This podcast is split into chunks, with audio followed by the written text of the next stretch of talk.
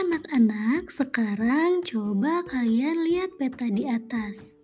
Jika dilihat dari letak geografisnya, Indonesia terletak di antara dua samudra, yaitu Samudra Pasifik dan Samudra Hindia, serta terletak di antara dua benua, yaitu benua Asia dan benua Australia.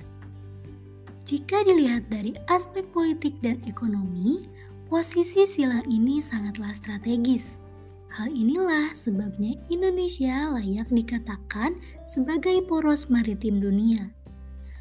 Posisi sebagai poros maritim dunia membuka peluang bagi Indonesia untuk bekerja sama baik secara regional maupun internasional untuk kemakmuran rakyatnya. Indonesia memiliki lebih dari 17.000 pulau.